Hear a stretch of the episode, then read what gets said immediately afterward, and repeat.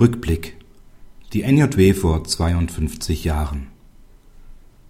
Der Angeklagte hat sich während des ganzen Verfahrens, auch in der Hauptverhandlung, so anmaßend und einsichtslos benommen, dass die Strafkammer ihm gemäß § 60 StGB nur die Zeit hat anrechnen können, um die das Verfahren sich durch die umfangreichen Ermittlungen verzögert hat, urteilte das Landgericht Wuppertal noch sichtlich empört über solch einen renitenten Angeklagten. Und dann hat der BGH dieses Urteil auch noch aufgehoben, wie in Heft 31 der NJW vom 3.8.1956 nachzulesen ist.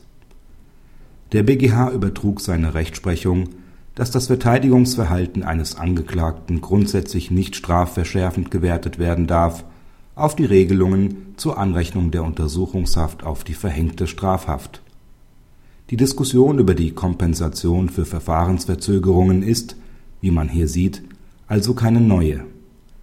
Einen Schlussstrich hat der Große Senat für Strafsachen des BGH insoweit gezogen, als er sich für die sogenannte Vollstreckungslösung entschieden hat. Dafür sei er jedoch nicht zuständig gewesen.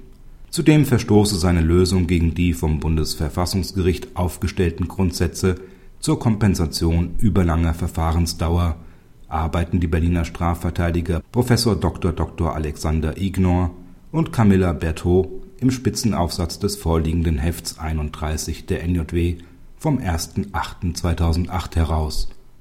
Kein Schlussstrich also. Die Diskussion geht hier weiter